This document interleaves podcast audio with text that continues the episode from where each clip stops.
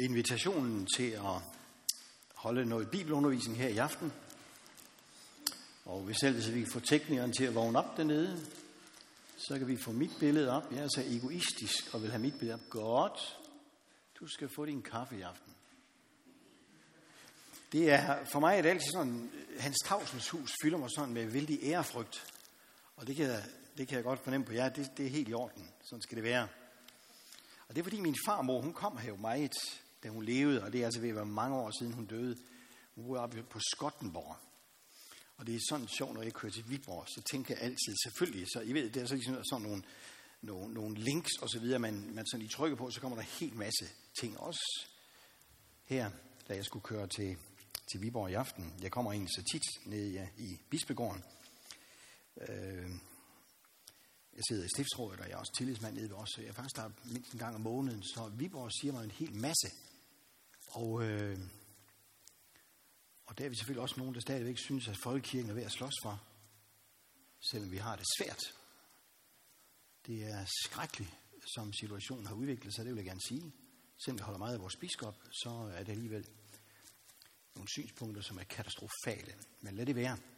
Men, men Skottenborg og hans tavsenshus, og der fortalte farmor jo så tit om møderne i hans tavsenshus. Så nu håber jeg ikke sådan, at jeg gør hendes minde til skamme. Så øh, jeg får til opgave at sige øh, noget om det emne her.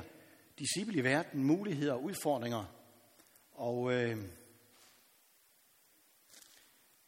det vil jeg så gøre jeg ved ikke, hvor mange af jer, der ser med jeres bibel, ellers så lytter I bare til mig, og hvis der er nogen, der vil bruge jeres bibel, så kommer der en del henvisninger, fordi at jeg fik at vide, at det var bibelundervisning. Men inden vi går i gang, så lad os bede. Jesus, tak fordi, at du har kaldet os som disciple i verden. Tak for de ufattelige muligheder, vi stadig har også her i vort land. Lad os også se alle udfordringer i øjnene.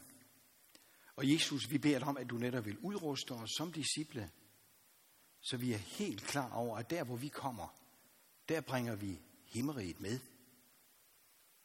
Og vi beder dig om, at vi ikke må forarves over disciplens vilkår i verden.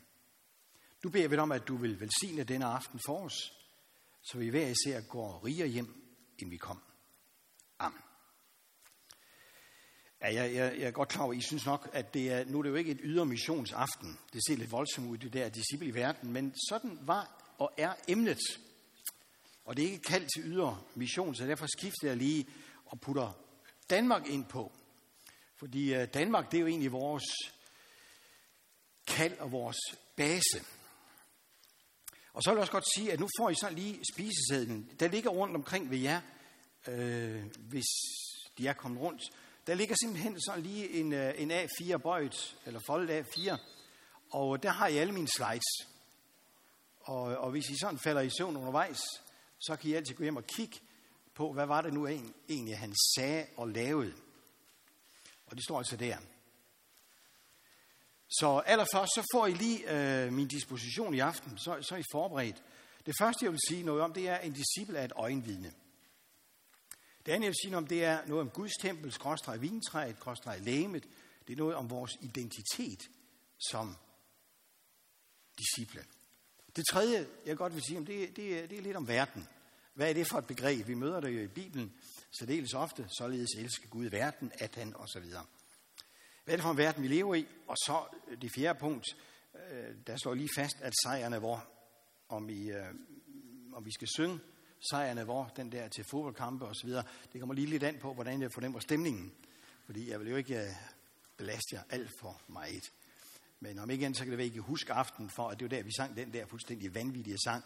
Sejren er vor, sejren. og så Ja, nu skal jeg nok lige være. Jeg venter lige og ser, om jeg skal have med på den. Godt. Og så vil jeg sige lidt om disciplens vilkår i verden. Fordi at det er jo her, øh, mange disciple er kørt trætte øh, kørt helt i smadre, og måske ovenikøbet er forarvet, blevet forarvet og er faldet ud af troen.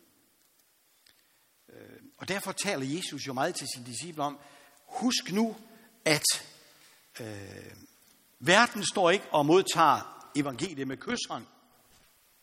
Nej, sådan går det altså ikke. Og det sidste, jeg vil sige om, det er, glæd jer altid i Herren.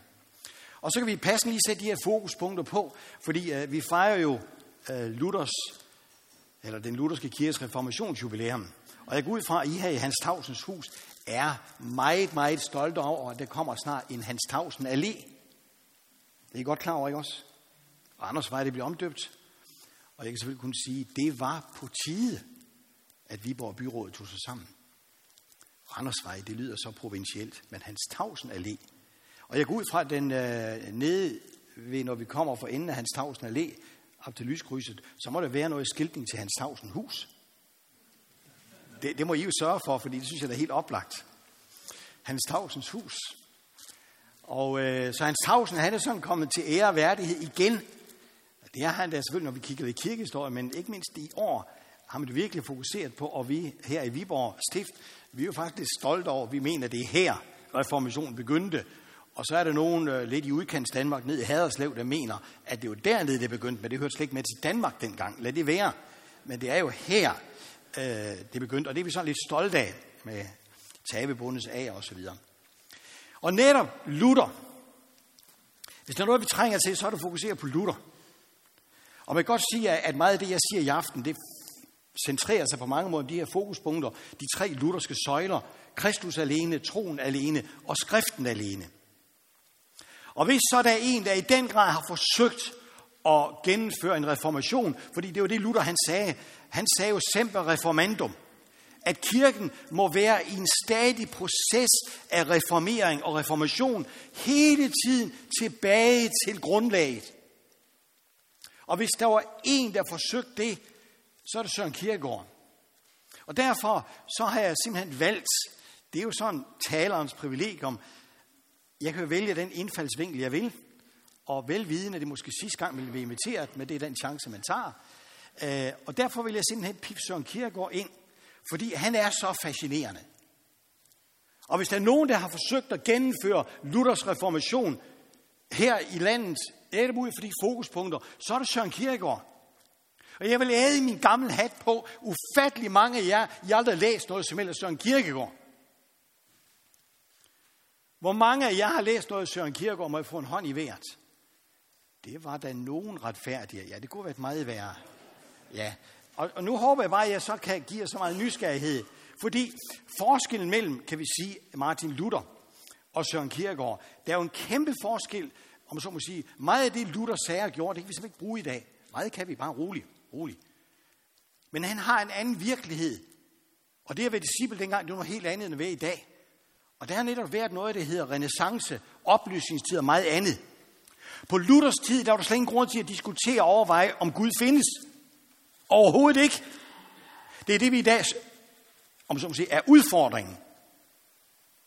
At ufattelig mange mennesker, de tror det ikke, eller er i tvivl om det, eller hvad det er. Øh, man kalder det som modernismen, der kommer ind i helt nyt tilværelsesforståelse. Og der er Søren Kierkegaard altså en af dem, som har gennemtænkt den nye virkelighed, vi lever i, som kirke, som disciple. Og derfor har jeg simpelthen valgt at tænke, ej, I, I skal lige have en vis portion Søren Kierkegaard i aften. Ja, jeg kan godt se, at der er nogen, der allerede har står huha, det bliver hårdt det her. Ja, det gør det. Fordi det er bibelundervisning, og, og jeg vil være meget, meget ked af, hvis I går hjem og siger, at det er jo ren sødsuppe, det her. Øh, det var nærmest øh, sondemad. Øh, jeg håber virkelig, at, at I møder Søren Kierkegaard og ellers, og naturligvis skriften. For hele Søren Kierkegaards forfatterskab, det er en stor udlægning af det nye testamente og Bibelen som helhed. Helt ufatteligt. Men Søren Kierkegaard blev stjålet her i landet af tideværv og andre, ikke mindst slyk, eksistentialisme osv., og jeg vil sige, det er til at blive vred over. Hvis der er et sted, Søren Kierkegaard hører hjemme, så er det i hans Tavsens hus i Viborg. Du ved det. Så lav nu en foredragsrække om Søren Kierkegaard en anden gang. Det at være disciple og blive disciple. Jeg viser et lille klip. Den allerbedste, efter min mening, filmatisering af det nye testamente – jeg viser den hver eneste år for min konfirmand, og den tager alt i alt tre timer. Den er vist tre gange på DR1 for år tilbage. Jeg kan godt købe på DVD. Og her er tilladt mig at gå ind og stjæle fra påskemorgen. Jeg har selv lige tekstet den. Og med lige undskyld, jeg har lige tekstet lidt omkring konfirmander, det skal I ikke tage af. Øh, det er bare fordi, nu er det den, jeg har, og har kunnet lave en lille film over. Og så læg mærke til slutningen. Fordi der kommer jeg med 60.000 kroner spørgsmål. Det er, hvorfor slutter den sådan? Og nogle af jer har nok set den. Godt. Jeg har set den her 100 gange. Jeg bliver aldrig træt af at se den her slutning. Jeg ved ikke, vi skal lige skal, kan vi få slukket lidt lys, eller er det for meget? Eller skruet ned i hvert fald. Ja, det er fint. Er det godt? Ja, ja, det er fint.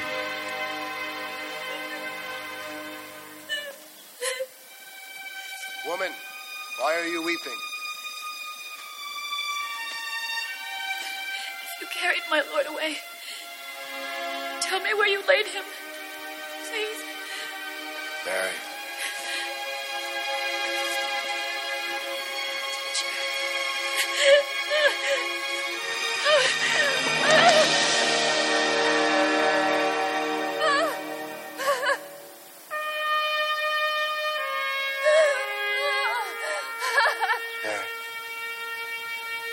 Let me go now. I haven't yet ascended to my Father.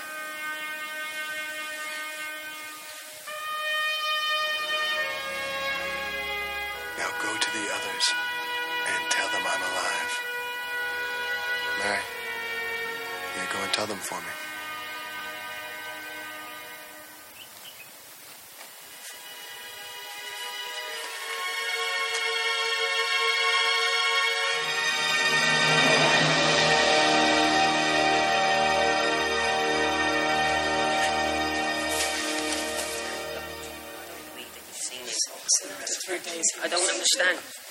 You see him? He's dead. No one can rob. I've seen him. Is it true, Mary? Yes. It's true. I've seen him. I talked to him. This is ridiculous. We saw him crucified. We buried him ourselves. How can he be alive? How could Lazarus be alive? How could blind men see? I'm sorry, but I don't believe that death is conquered that easily. There are too many other possibilities. He is the Son of God. Jesus himself said there would be false prophets. We have to be careful. This could be a trick. Thomas, you must believe. I want to, Mary. Believe me, I want to. But my mind won't let me. I'd have to see for myself. Thomas. I saw him. Are you sure it was him? Did you see the wounds in his wrists? See? She can't be sure. Something else is going on here. Unless I see the mark of the nails. No. Unless I put my finger in the mark of the nails, I will not believe. Peace be with you.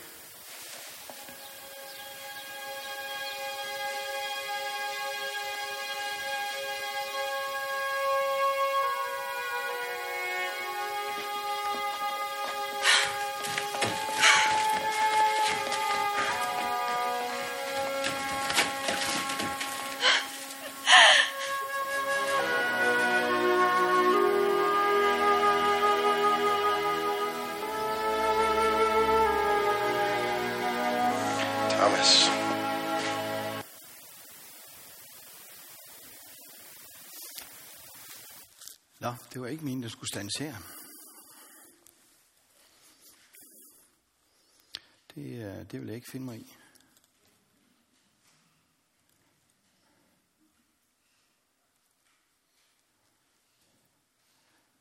Det er ikke jer dernede ved bordet, der sidder og piller med noget, vel?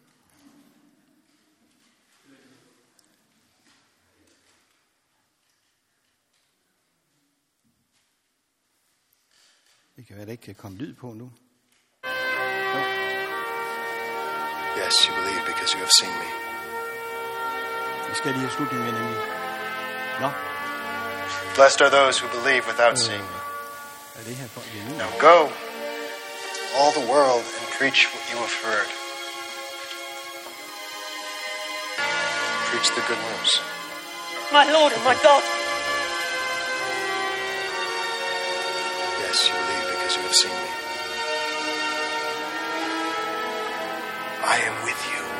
Blessed are those who believe without seeing. Now go, all the world, and preach what Ja, you vi er have nødt til heard. lige at se, vi er nogen, der kører sammen her. Preach the good news.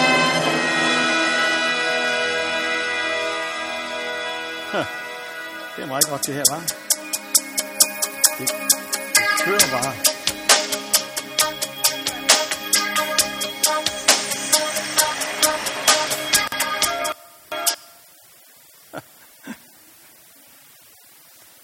Meget festligt, det her.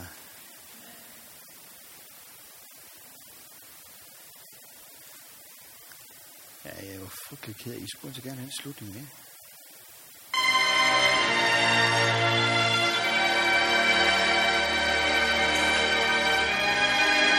Jeg får lige sådan der, så...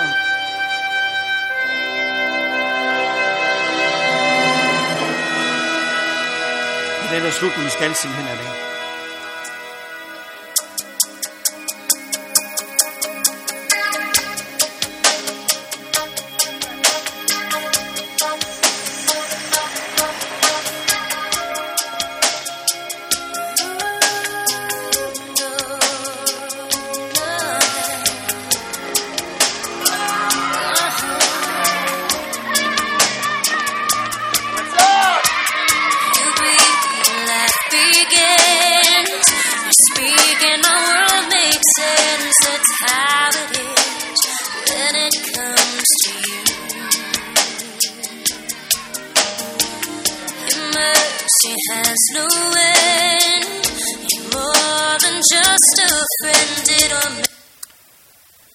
Godt. Det er stort set slutningen. Nu skal I lige få min PowerPoint igen. Og så skal vi lige forbi. Så kan vi godt få mere lys.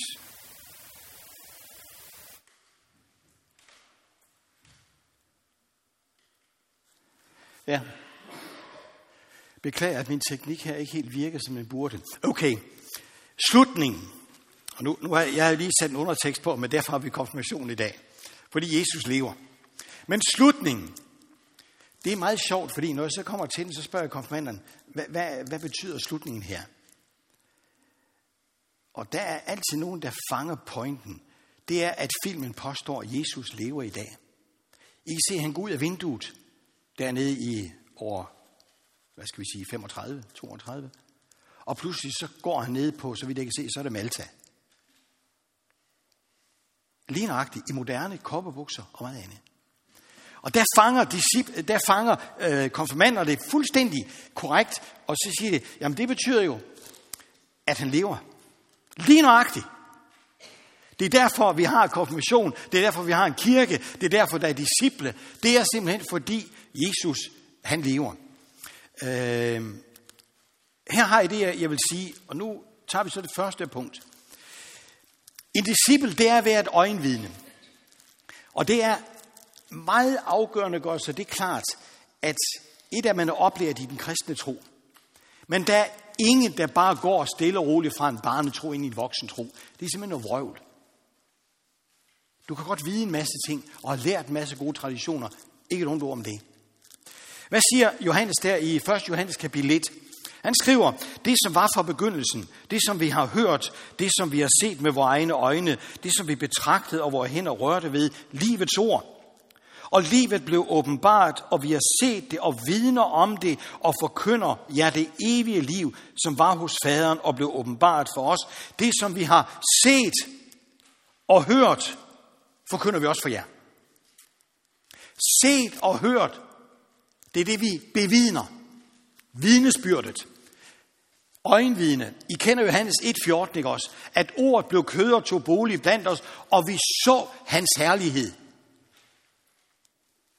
Og tilsvarende, da vi så går hen i, længere hen i kapitel 1, vers 29, Johannes Døber, der står der og siger, se det Guds lam, som bærer verdens synd.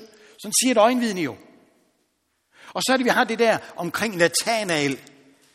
Man kommer, øh, nogle af disciplene har mødt Jesus, kommer hen og siger, at jamen, vi har mødt Messias, ham, ham de taler om, profeterne osv., og det kan han ikke rigtig tro på.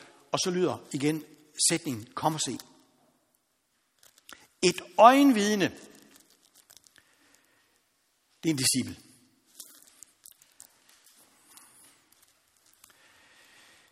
Hvad handler det om? Jeg har valgt lige at tage Jeremias. Det er Jeremias' kaldelse. Og øh, Jeremias, han blev kaldet, der står i købet, han var en meget ung mand.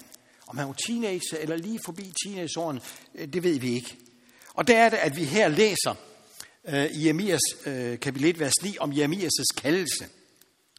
Og der er det simpelthen, at, at vi læser, at at Herren siger til Jeremias, nu lægger jeg mine ord i din mund. Se, nu giver jeg dig myndighed over folkene og rigerne til at rykke op med roder, til at rive ned, til at ødelægge og til at jævne med jorden, til at bygge op og til at plante. Og Jeremias, han undskylder sig egentlig med, jamen jeg kan ikke tale, jeg er ung. Nej, for han føler ikke, at han har frimodighed til den opgave, og nu går bud for Herren. Og derfor handler pinse jo om, Dybest set, det er jo ikke noget med, at samtidig så siger vi, at pinse, det er kirkens fødselsdag, der kom Guds ånd. Ah, det er en rene vrøvl. Guds ånd har været med lige fra starten, og, og før pinse, og det også, vi hører Jesus ånder på disciplene, siger, modtag heligånden osv. Nej, det er pinse, der handler om. Det er simpelthen, at disciplene får frimodighed. Bliver udrustet. Og det er jo pinse. Den udrustning her. Og hvor netop det at være øjenvidne, det at få en frimodighed til, at man er klar over, jeg er øjenvidne, fordi jeg må selv fortælle om det, jeg har set og hørt. Og jeg må også gerne bringe øjenvidnesbyrden fra Matthæus, Markus, Lukas, Johannes. Naturligvis. Men basis, det er min egen erfaring med det, jeg har mødt, da jeg mødte Herren. Og der pifter jeg så lige Søren Kierkegaard ind. For Søren Kierkegaard, han levede i en tid, hvor at statskirken, som den jo var dengang, mere eller mindre havde, som han siger, udtrykket det, naturaliseret kristendommen. Det vil sige, der sagde man simpelthen, at du døbt, så er du en kristen. Vrøv, siger Søren Kierkegaard. Det er en ok begyndelse, men man er ikke bare automatisk døbt, fordi man er kristen. Eller kristen, fordi man er døbt. Sådan. Ja, I var med. Og man er heller ikke automatisk kristen, fordi man er dansker. Nej. Og derfor siger Søren Kierkegaard, du må simpelthen møde Kristus i samtidighedens situation. Det er et udtryk, og det er i princippet det hele hans forfatterskab handler om. Samtidighedens situation, det er at møde Jesus, som han samtidig mødte ham. Og derfor anklagede Søren Kierkegaard meget sin tids præster og forkyndelse for, at man på en eller anden måde trak det hele ud af ja, jeg fristet at sige, det nye testamente gjorde det til dogmatik eller terapi. Og som Søren Kierkegaard skriver, der findes kun disciple på første hånd. Det vil sige, jeg er ikke sendt ud i verden for at fortælle om, hvad min farmor hun oplevede, eller mine forældre. Jo, det kan jeg godt gøre i anden omgang. Selvfølgelig er det ikke forkert. Men der, hvor der virkelig er bund i det, det er simpelthen, at jeg aflægger et vidnesbyrd om det, som jeg selv har erfaret i mødet med Jesus. Og så får I lige lidt Søren Kierkegaard. Søren Kierkegaard, han siger, at der hvor kristendommen adskiller sig, og det, det er jo afgørende for os at vide som disciple, der hvor kristendommen adskiller sig fra al anden religiøsitet, al anden filosofi, det er det, han kalder det verdenshistoriske NB, og det, det står i den gule kasse. Han siger i og for sig, det var egentlig nok, at det her det stod i det nye testamente. At det er som tankeeksperiment, han har. At vi har troet, at Guden annullerer det, har vist sig i en tjeners ringe skikkelse, har levet, lært i blandt os og derpå død. Det er mere nok. For indtil det tidspunkt, der var det egentlig, at vi mennesker troede, at vi havde sandheden i os. Og det, som Søren Kierkegaard siger, det er, at der, hvor kristendom adskiller sig fra al anden og tvinger os til at gentænke hele tilværelsen og vores eget væsen, det er simpelthen inkarnationens faktum. Det, at Gud blev menneske. Det ændrer vores tænkning indtil da. Toppunktet indtil da, det er jo Sokrates. Og sagt meget kort, det Sokrates han sagde, det er, du har sandheden i dig selv, du skal bare grave dybt nok. Gynotis auton, på græsk er godt kendt dig selv. Øh, og der er Søren Kierkegaard siger, hvis at Gud blev menneske, så betyder det jo altså, at sandheden ikke længere er i os mennesker, så er sandheden uden for os mennesker. Og hvor han egentlig bare logisk uddrager nogle konsekvenser af, hvis det virkelig er rigtigt, at Gud er blevet menneske, Maria bebudelsesdag, og det blev synligt for hele verden julenat, så har der altså været et eller andet ravne galt med os mennesker. Siden Gud måtte ofre så meget, at han må give afkald på sin guddomsherlighed og blive et lille menneske. Åbenbaringsindhold. Nu er, der, nu er der ikke bare det verdenshistoriske indben. Nej, og nu får I så lige, jeg, jeg tapper bare lige hele ned her. Søren Kierkegaard skriver, der var ikke noget at se, altså når man mødte Jesus uden at ringe menneske, som ved tegn og under og ved at sige sig at være Gud i et væk, han satte forarvelses mulighed. Et ringe menneske, der udtrykte to ting. Åbenbaret to ting. For det første, hvad Gud forstår ved medlidenhed. Vi kan også sige noget. Og for det andet, hvad Gud forstår ved menneskets elendighed. Vi kan også sige synd. Og så læg mærke til, hvad Søren Kierkegaard skriver, at det vi læser, og det der fundamentet, og det vi selv har erfaret i mødet med den opstandende, det er, at i begge tilfælde er det yderst forskelligt fra, hvad vi mennesker forstår ved medlidenhed og elendighed. Vi tænker altså ikke i takt med Guds åbenbaring og det Gud har åbenbaret i Kristus. Og så er det der, han siger, og hvad menneskene forstår det ved, og hvad i hver generation indtil dagens ende, en hver for sin del må lære fra begyndelsen, begyndende aldeles på samme punkt som en hver med Kristus samtidig, indøvende det i samtidighedens situation.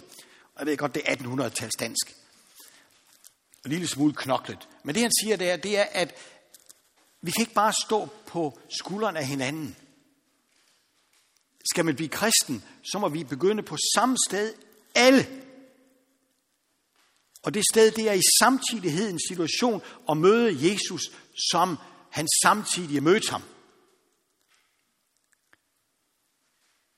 Begyndende på samme sted og indøvende det i samtidighedens situation. I skal nok få lejlighed til at spørge eller, eller komme med indvendinger bagefter, hvis I har det. En disciple er altså øjenvidne, siger Søren Kierkegaard. Han siger på en måde, der vil man også forstå, at der ikke er og ikke kan være tale om disciple på anden hånd. For den troende, og i parentes, så kun han er jo disciplen, er bestandig, øh, for den troende er bestandig troens autopsi, i parentes betyder det selvsyn, og ser ikke med andres øjne, og ser kun det samme, som hver troende ser med troens øjne. Det, som Kierkegaard her siger, det er, at troen, det er altså nogle nye øjne, som ser noget nyt. Vi lever i en tid, når vi taler også den lutherske øh, en af søjner, troen alene, så kan vi meget let gøre troen til noget intellektuelt. Hæve troen op, et eller andet herop, nogle synspunkter, meninger, udenadslære, eller hvad det jeg. Og der er det Søren Kierkegaard peger på, at det er jo ikke det, som vi møder i det nye testamente, når vi taler om en disciple. En disciple, det er en, som har troens autopsi, troens selvsyn. Det vil sige, at, at når vi oplever at lytte til det nye testamente, læse det nye testamente om Jesus, så sker der altså et eller andet med, at så bliver historien levende. Paulus siger lidt på den måde, at I for hvem Jesus blev malet for øje som korsfæstet, han næsten taler om som et andet maleri, når forkyndelsen lyder. Og der er troens øjne. Det er jo netop det, som man ser, jeg ser, når jeg møder Kristus i skriften. Når jeg erfarer Guds nærvær i mit liv. Erfarer, hvordan han går med mig, omslutter mig og er i min hverdag. Det er troens selvsyn. Troen er en nyskabelse. En tillid skabt af mødet med Kristus i samtidighedens situation. Det vil sige, at det eneste sted, troen overhovedet kan skabes, det er i mødet med Kristus. Ved at møde ham. Og derfor er det her jo fuldstændig overensstemmelse med vores gamle missionærer og missionsfolk sagde, det er, du må møde Jesus. Og nogen har spurgt, har du mødt Jesus? Det er nok det, Søren Kierkegaard skriver her. Samtidig er troen et valg, skriver Søren Kierkegaard. Skal vi sammenfatte det paradoks, der er i troen, kan man sige, du bliver aldrig en kristen, hvis ikke du vil. Men du bliver aldrig en kristen, fordi du vil.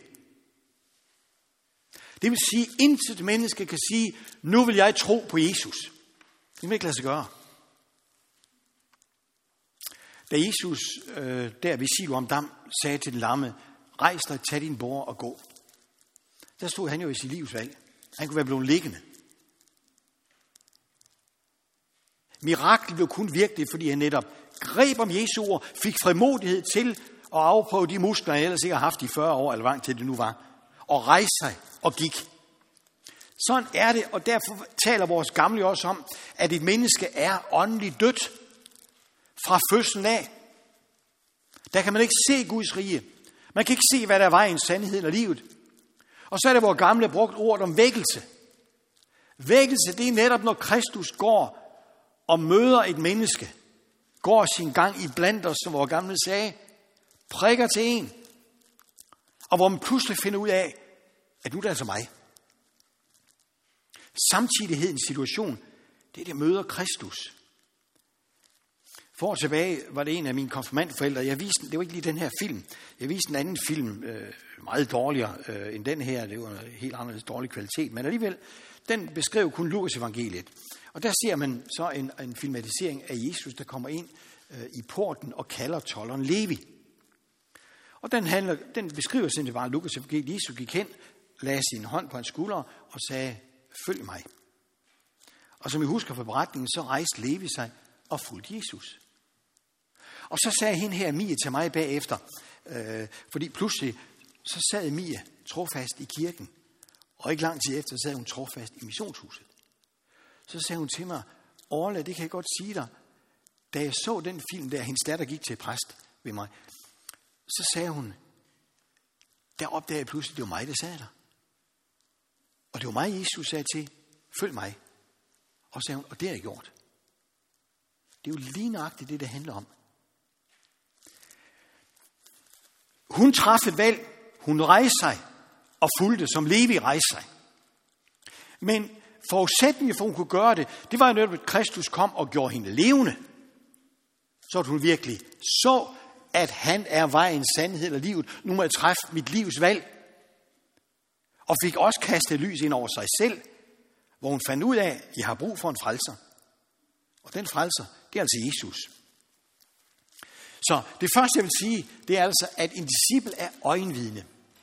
Det er alt afgørende, når vi taler om, om øh, disciplen i verden. Muligheder og udfordringer. At vi lever i verden i en bevidsthed om, at vi er øjenvidner. Og det er ikke noget med, at vi skal ud og overbevise og diskutere mennesker. Vi kan ikke diskutere mennesker ind i Guds rige. Det kan ikke lade sig gøre. Vi kan ikke bevise noget som helst, men vi kan aflægge vidensbyrd. Og så kan vi ellers forklare en hel masse andet. Godt. I har så lige min disposition for neden, så kan I se, hvor langt det er kommet. Og de to nederste, de tager ikke så lang tid. Og I skal lige høre, at det klokken øh, cirka halv ti, øh, vi skulle have kaffen. Eller var det halv ni? Ja, du nikker uanset hvad, så jeg kan tage det, som jeg vil. Ja, det er godt. Se, det andet, jeg godt vil sige, det er, at det er så afgørende, hvilken bevidsthed, hvilken selvbevidsthed, øh, selvforståelse vi har, når vi lever på vores arbejdsplads, i idrætsklubben, blandt naboer og venner, og selvfølgelig også inden for kirke og missionshus. Hvad er det for en selvforståelse, vi har herinde? En selvbevidsthed. Og der er der Guds ord siger til os, jamen husk nu på, du er Guds tempel. Det er det, Paulus siger i 1. Korinther 3, 16. Johannes 3, 16, den kender vi udmærket. Den holder vi i den ene hånd, således elsker Gud verden, at han gav sin søn. Men der er en, der er lige så vigtig, når vi skal leve som disciple. Og det er den anden hånd. Hold fast ved, at Paulus siger, ved I da ikke, at I er Guds tempel, og Guds ånd bor i jer? Underforstået, det er jo det, altså åbenbart, vi at glemt det over i Korinth. Guds tempel. Der er ikke lige nogen af os, der kan, der kan forestille os, at hårene må have rejst sig på deres hoveder. Især de jødekristne. For templet, det lå altså på det tidspunkt stadigvæk i Jerusalem. Det var ikke, det var ikke jævne med jorden. Det blev det i år 70. Og Paulus skriver vel cirka 10 år før det omkring. Men det, at pludselig Guds tempel ikke er, om så må sige, placeret i Jerusalem, det var det også det rent fysiske. gamle tempel, som Herodes havde restaureret osv. Øh, men at nu er Guds tempel overalt i hele Romeriet, der hvor der er mennesker, der bekender Kristus, der hvor der er disciple. Der bygges og rejses Guds tempel, Guds hus. Et andet billede, som øh, vores nytestamente bruger, og det Jesus selv bruger, Johannes 15.5, I kender det, jeg er vintræet, I er grenene. Den intime forbindelse, den organiske forbindelse, og, og hvor netop at de her udtryk fra hver sin side fortæller øh, lidt forskelligt om det at være disciple. Øh, Guds tempel, ja, det er jo noget med at være en søjle. Man står fast. Vintræet, det fortæller om, og mere det organiske fællesskab med Kristus, frugterne. Og det tredje, 1. Korinther 12:27, hvor Paulus bruger lægemet, hvor han taler om det samspil, der må være for netop, at Guds folk fungerer i verden og sammen bygger en bygning, den vigtigste og mest fascinerende bygning af alle, om så må sige, det nye, det nye øh, Israel. Guds folk. Guds tempel.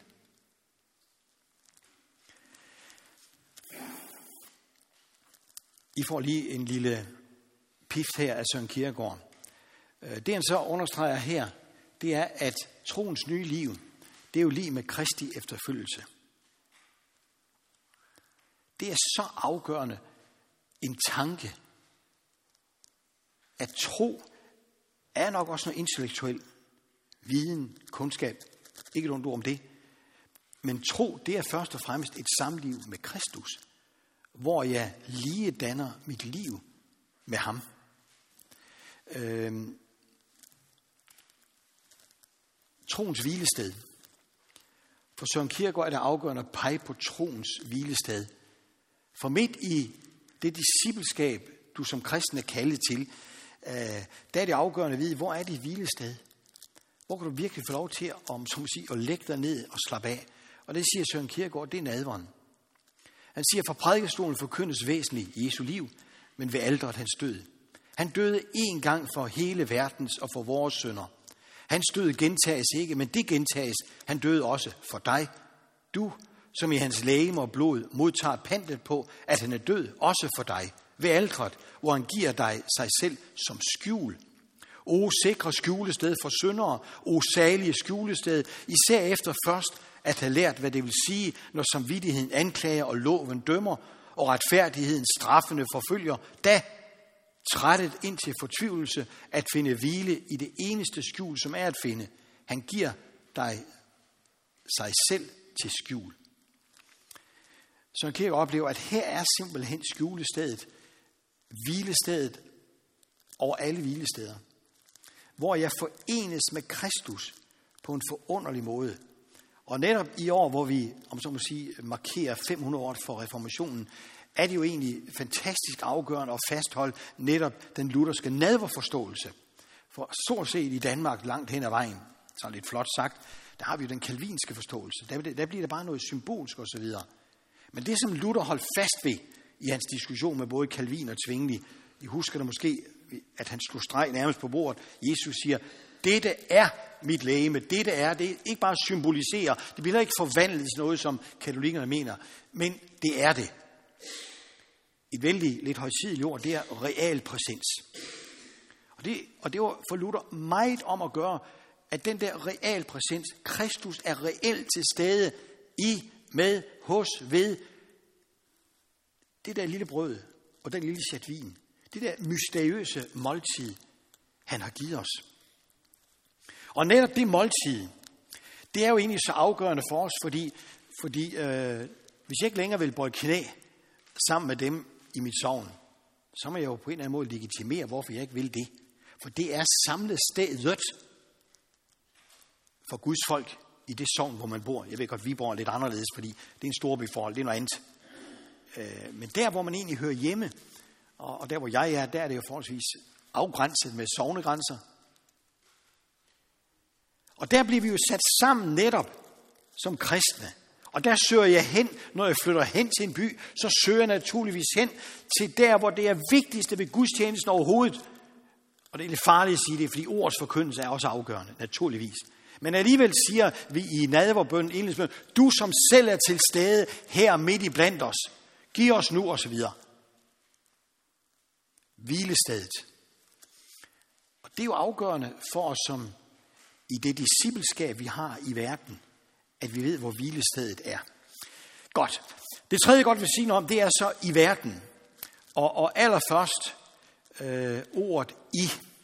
Og der vil jeg godt lige øh, minde jer om Jesu ypperste præstlige bøn, at øh, Jesus der øh, i øh, Johannes Evangelie kapitel 17, øh, der har vi jo hans sidste bøn der i Gethsemane have.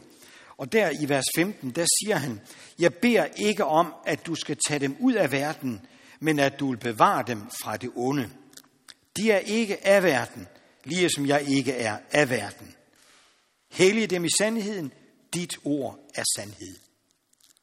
Det vil sige, Jesus beder ikke om, at vi skal gå i kloster.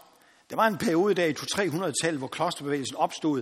Der oplevede man, at, at verden var så beskidt, og man blev sådan influeret af den, at man trak sig ud.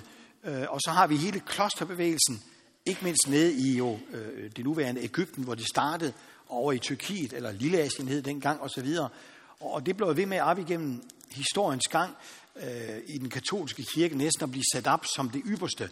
Og det øh, må vi jo give Luther ret i. Det er i hvert fald ikke noget, vi finder i vores Bibel. Der kan være nogle værdier ved det, men normalt nej, absolut ikke. Det er ikke sådan en, en ekstra høj stand for kristne. Men vi er i verden. Og hvor er det afgørende, at jeg som disciple, at du som disciple er klar over, du skal ikke tages ud af verden, du er i verden, og du er en del af verden.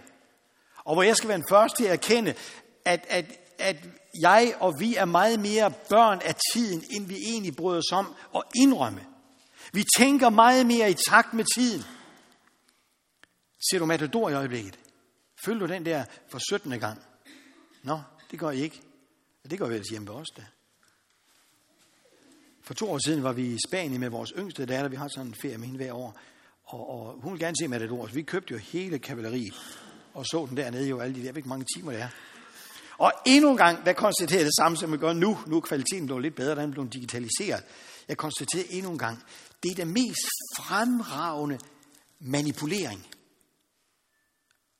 og holdningsdannende, som Lise Nørgaard. Og hun bliver jo hævet til skyerne. Selvom hun som mor forlod, var det fire børn for at følge sin karriere. Hjerteskærende er det til at blive vred over, og hende gør man til ideal. Og så har vi en matador, som er så charmerende, og vi holder så meget af Varnes og, og Ingeborg. Hvad hedder de alle sammen, ikke også? Og dem vi holder af der, det er de kulturradikale. Dem, der går ind for fri abort. Dem, der går ind for homofili. Dem, der går ind for alt det, vi som kristne må sige. Det her, det er simpelthen forkert. Og alligevel så lapper vi det i os, inklusive mig. Og skal hele tiden lige sige til Orle, husk nu lige på. Men det er så charmerende. Og der er vi altså børn af tiden. Og vi er på en eller anden måde en del af sådan en centrifugal kraft, der gør, at hvis ikke netop vi holder fast i vores Bibel, holder fast i bønden, holder fast i menighedens fællesskab, så glider vi lige så stille. Og efterhånden slappes vores vidnesbyrd, vi taber lidt frimodigheden. Nu skal vi heller ikke være for skarpe. Ej nej, tag nu roligt. Vi skal alle sammen være her. Ikke også? og hvor vi efterhånden næsten ikke kan sige, at vi mener faktisk, at homofil samliv det er forkert, ifølge Guds ord.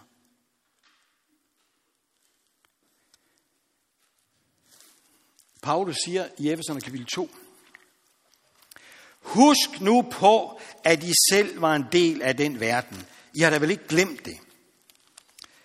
Også jer gjort levende. Jer, der var døde i jeres overtrædelser og synder, i som I førhen vandrede i, da lod jeg bestemme af denne verdens tidsalder, og af ham, som hersker over luftens rige, den ånd, der stadig virker i ulydighedens børn. Det er jo Matador, vi snakker om her, ikke også? Det er jo den der tidsånd, der er i Matador, lige så det klodser. Derfor kan man godt se den.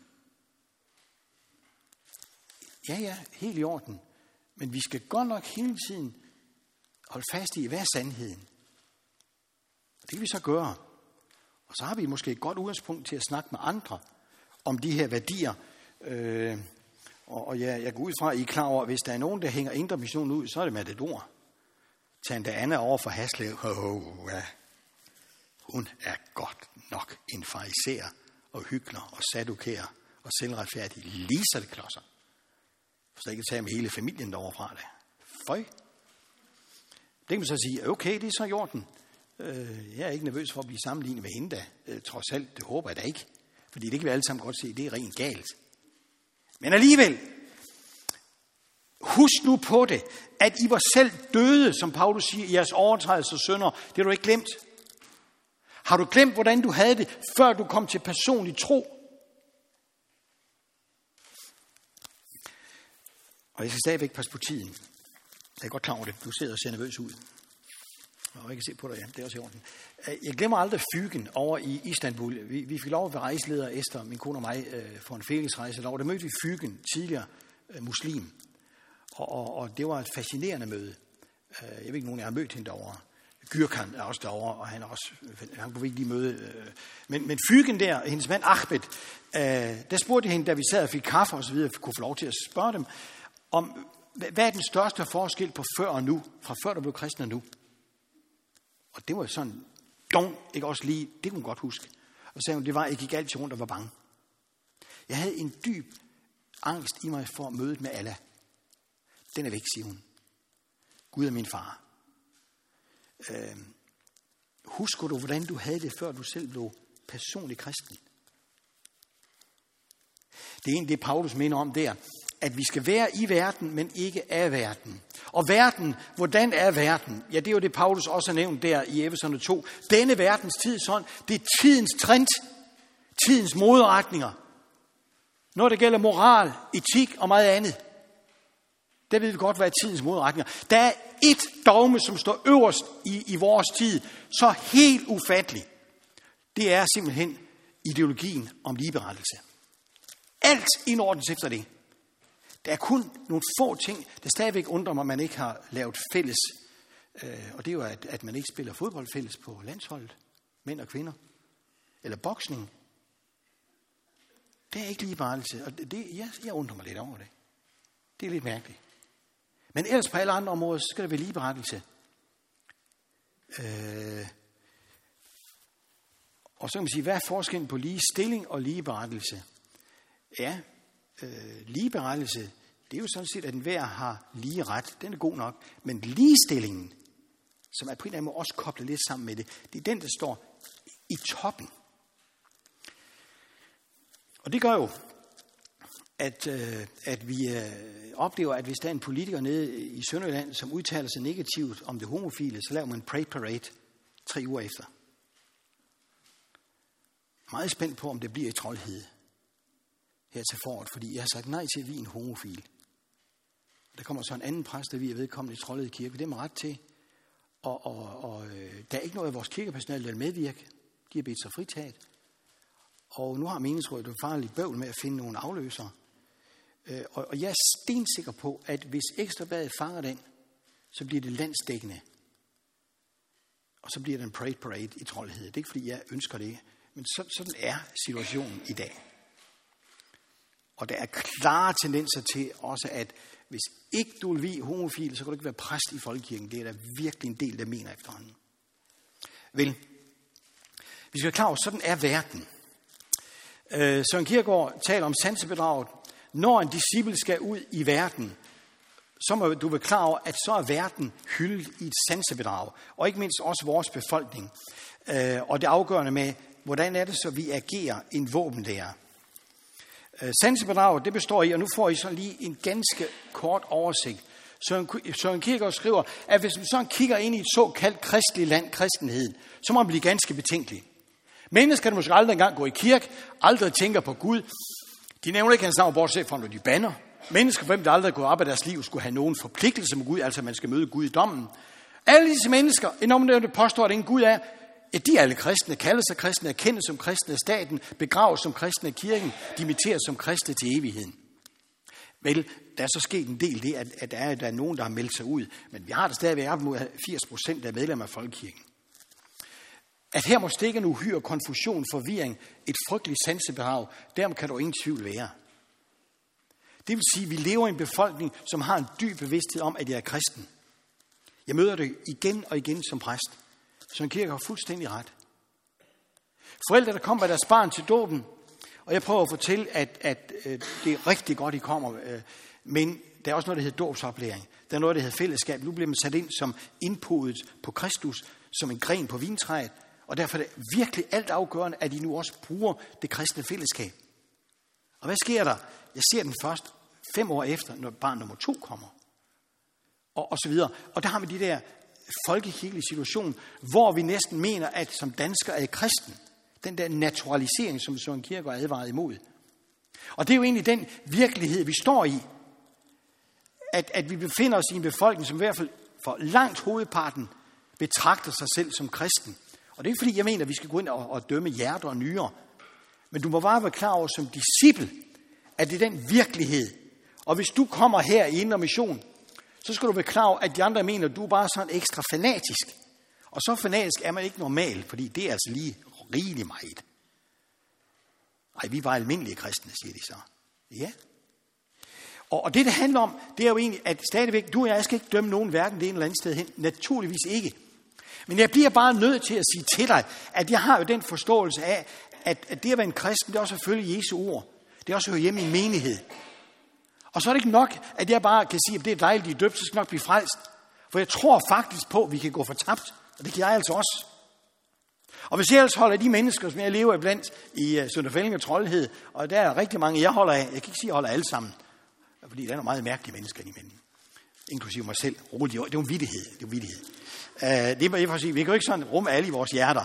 Men det er bare for at sige, at, at det er klart, så er man jo i bøn til Gud om, at mennesker dog må, ja, må, må på en eller anden måde blive aktive og kan se, at når Jesus siger, at du kan ikke undvære nadverbordet, du kan ikke bevare troens liv, hvis du mener, at du kan undvære nadveren, eller lovsangen, eller bønnen, så må jeg bare sige, jamen det er jo da det, jeg selv personligt erfarer, at jeg har så meget brug for det i mit eget liv, og jeg har brug for den velsignelse der.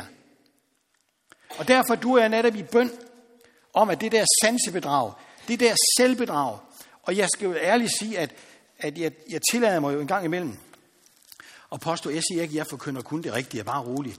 Øh, men, men når over halvdelen af landets præster i dag går ind for alles frelselærer, så er det lige nøjagtigt, hvad Søren Kierkegaard siger. Det var problemet også på hans tid. Er du døbt, så er du en kristen. Rolig, Gud elsker os så meget, at vi skal nok blive frelst alle sammen. Jesu forsoningsværk er så gengribende, selvfølgelig får du del i det. Man kan sige, at det er jo fandens øh, tale. Og derfor så er det jo så alvorligt med den forkyndelse, hvor jeg også må sige, at jeg bliver nødt til at, at gå væk fra den forkyndelse, som ikke også tager en fortabelsesmulighed med. Vi taler ikke om helvedes prædikanter her. Rolig. I min øh, studietid var jeg kirkesanger ude ved en kvindelig præst ude ved Djursland. Øh, vældig sødt og dejlig menneske. Men da jeg siddet under hendes prædikstol, synes jeg, hun blev bedre og bedre. Og jeg fandt ud af, at det var mig, der blev sløvere og sløvere. Fordi hun aldrig nogensinde forkyndt fortabens mulighed. Aldrig nogensinde forkyndt omvendelse. Og det er mere for at sige, at den forvirring der, den er så afgørende, at du og jeg er klar over. Og derfor siger Søren Kierkegaard, at det vigtigste, det er at kende sandheden. Og derfor er vi nødt til at gøre det gerne, læse i vores Bibel, så vi hele tiden bliver korrigeret selv. Og det næstvigtige, siger Søren Kierkegaard, det er at finde ud af, hvordan jeg formidler sandheden videre. Det er klart. Jeg ved ikke, når jeg står og taler i øst, hvis folk, der skal høre mig, de står og taler i vest. Det er logik for dværghøns. Hvis nogen vil omkomme, ikke også, så hjælper ikke noget med, at jeg lige skal hen og finde et eller andet helt andet. Så er det her og nu. Øh, derfor er det så afgørende med en våbenlærer. Nu vil jeg ikke, nu vil jeg ikke, øh, nu vil jeg ikke sådan set bebyrde jer så meget, fordi I er ved at være kaffetørstige, og det er jeg også. 5 over halv ni, det er ikke godt det her. Jeg lov tre kvarter først. Hvornår starter jeg? Kvart i. Åh, oh, det var ikke godt sagt det der. Godt. Øh,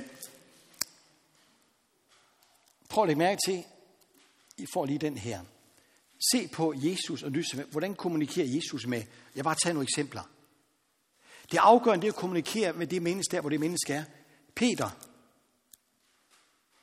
ved Gnesers søn, herre går bort fra mig, jeg er en syndig mand.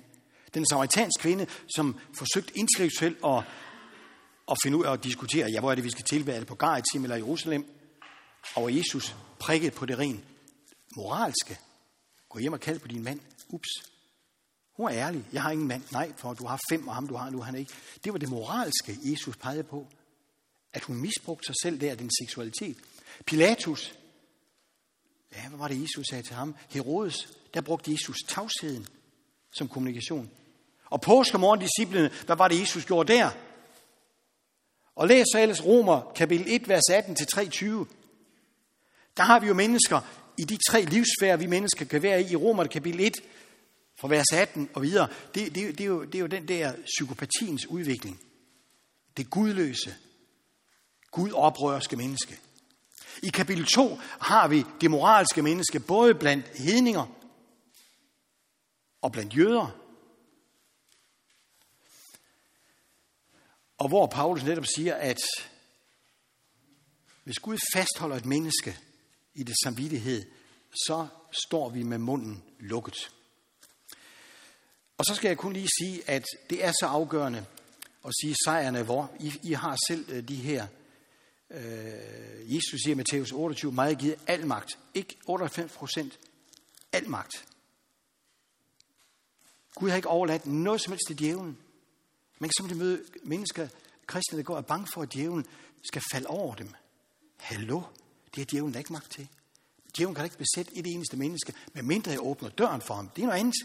Så findes djævlen som ond åndsmagt. Johannes 16, 8, øh, hvor Jesus siger direkte, at denne verdens fyrste er dømt. Men som Paulus skriver i, i Kolossenserne 2, ikke også, han er dømt, men er nu med i Kristi sejrstog, triumftog, troens autopsi. Det er jo det, vi ser. Han er dømt, han er på vej mod det endelige udslettelse. Indtil da, indrømmet, han kan stadig påvirke, hvis vi går hen til ham. Vi kan ordentligt blive besatte. Og så er det, øh, Søren Kierkegaard skriver, en evighed er ikke nok til at takke Gud for frelsen i Kristus.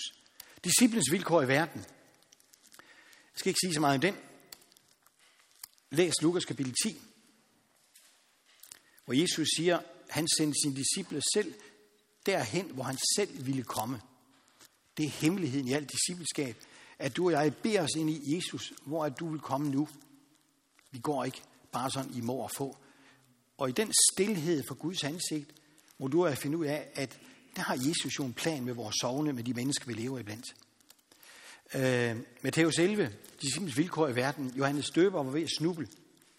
Disciplens vilkår i verden, det er netop som vi Jesus også advarer sine disciple om. I må være klar over, at en, en tjener, en disciple må være tilfreds, når det går om som hans herre. Og den er mortelig svær at sluge. Det er Kristi efterfølgelse i yderste konsekvens, nemlig martyret. Og i 2. Timotheus skriver Paulus, at enhver, som vil leve et gudfrygteligt liv, vil opleve at blive forfulgt. Søren Kierkegaard kalder det her den tredje farvelsens mulighed. Disciplens muligheden for, at disciplen farves over situationen som disciple i verden. Det var det, Johan Døber var ved at blive. Han var tæt på at snuble der. Er du den, der kommer, der skal vente den anden? Og Jesus sagde jo ikke til ham, rolig. Det står mig i Esajas 53. Tag nu lige læs gamle Han sagde, nej, gå hen og fortæl, hvad I hører og ser. Lamme går og blinde ser evangeliet forkyndes for fattige. Ja, der findes ikke en menighed, som ikke vil opleve knottende ord, bagtagelse, forfølgelse. Det, det lyder så voldsomt. Men så lad os sige i hvert fald grins martyr, som Søren Kierkegaard taler om. Der findes ikke én præst, eller en leder inden for kirken. Hvis du og jeg fastholder, hvad Nytestamentet siger, hvad Jesus siger, så vil du opleve at få klø på nogle områder. Og det er ikke sådan noget masochistisk noget, jeg snakker om nu, at uh, nu skal vi til at undre os selv. Overhovedet ikke. Men det er disciplens vilkår i verden. Simpelthen. Og derfor så afgørende, at vi beder for hinanden.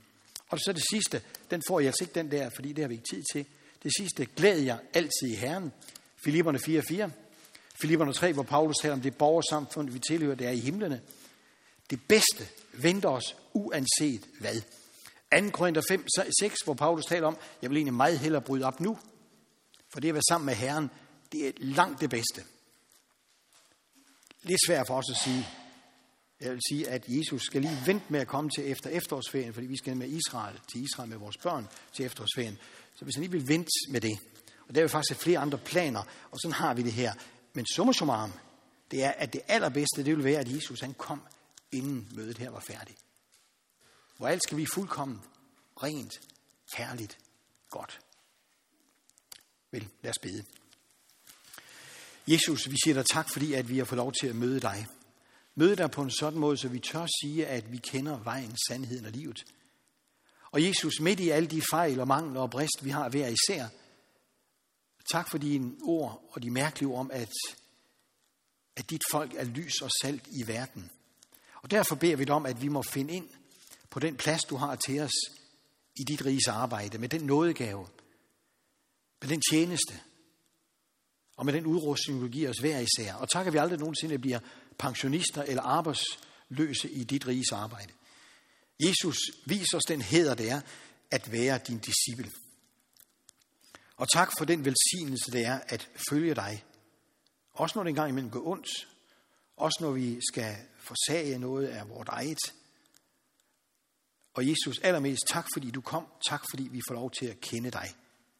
Amen. Og så skal I få jeres kaffe.